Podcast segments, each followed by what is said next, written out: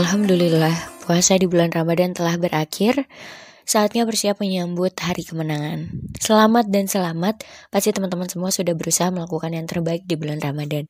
Jadikan momentum malam kemenangan ini sebagai refleksi, evaluasi atas ibadah dan hubungan kita kepada Allah Subhanahu wa taala dan juga hubungan kita kepada manusia.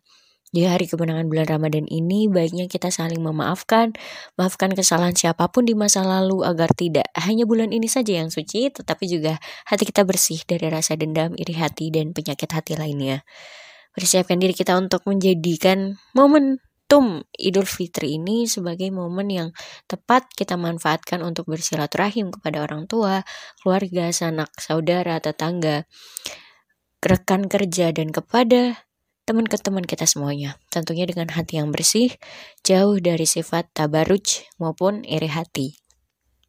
Di akhir bulan Ramadan ini, berusahalah juga untuk tetap istiqomah dalam menggapai takwa. Jangan berhenti melakukan kebiasaan-kebiasaan beribadah sunnah yang sebelumnya rutin dilakukan di bulan Ramadan. Hidupkan kembali ibadah kita hingga nanti insya Allah kita dipertemukan lagi dengan bulan Ramadan. Pada momentum Hari Raya Idul Fitri ini, kita juga diperintahkan Allah Subhanahu wa taala untuk peduli terhadap sesama, yaitu kewajiban untuk mengeluarkan zakat fitrah sebanyak satu sa, kurang lebih 2,75 kg yang dikeluarkan sebelum sholat hari raya Idul Fitri. Sebagaimana hadis riwayat Ibnu Majah dalam kitab Sunan Ibnu Majah juz 1 halaman 585.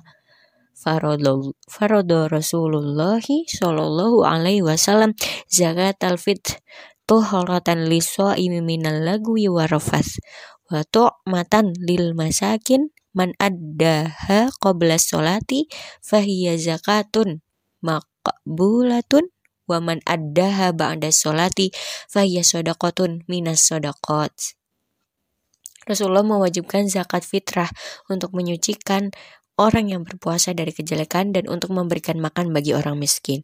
Siapa membayar zakat fitrah sebelum sholat id merupakan zakat fitrah yang diterima.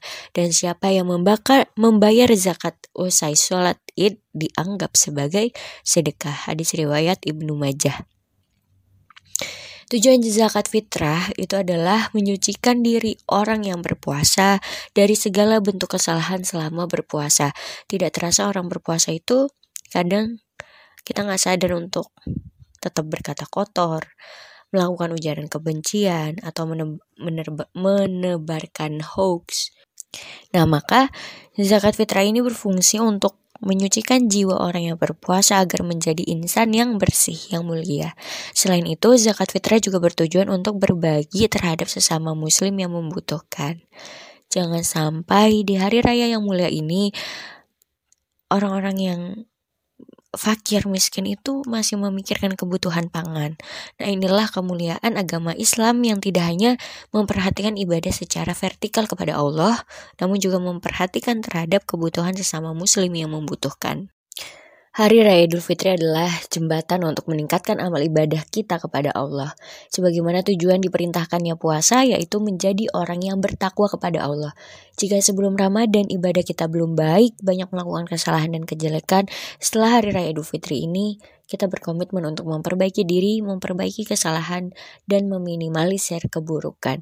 Mari kita contoh puasanya ulat sebelum berpuasa ia menjadi hewan yang menjijikan gitu kan.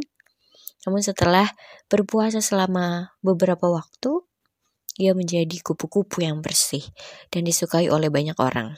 Nah, jangan sampai kita berpuasa sebagaimana ular. Gak ada perbedaannya tuh selama melakukan puasa. Bahkan setelah puasa ia lebih ganas dari sebelumnya. Nauzubillah min zalik. Semoga hari raya Idul Fitri ini menjadi momentum bagi kita semua untuk semakin baik, semakin peduli, semakin indah, cinta damai dan semakin rukun. Amin. Allahumma amin. Barakallahu li walakum fil Qur'anil azim wa nafi'ni wa iyyakum bifahmihi innahu huwal barrur rahim. Wassalamualaikum warahmatullahi wabarakatuh.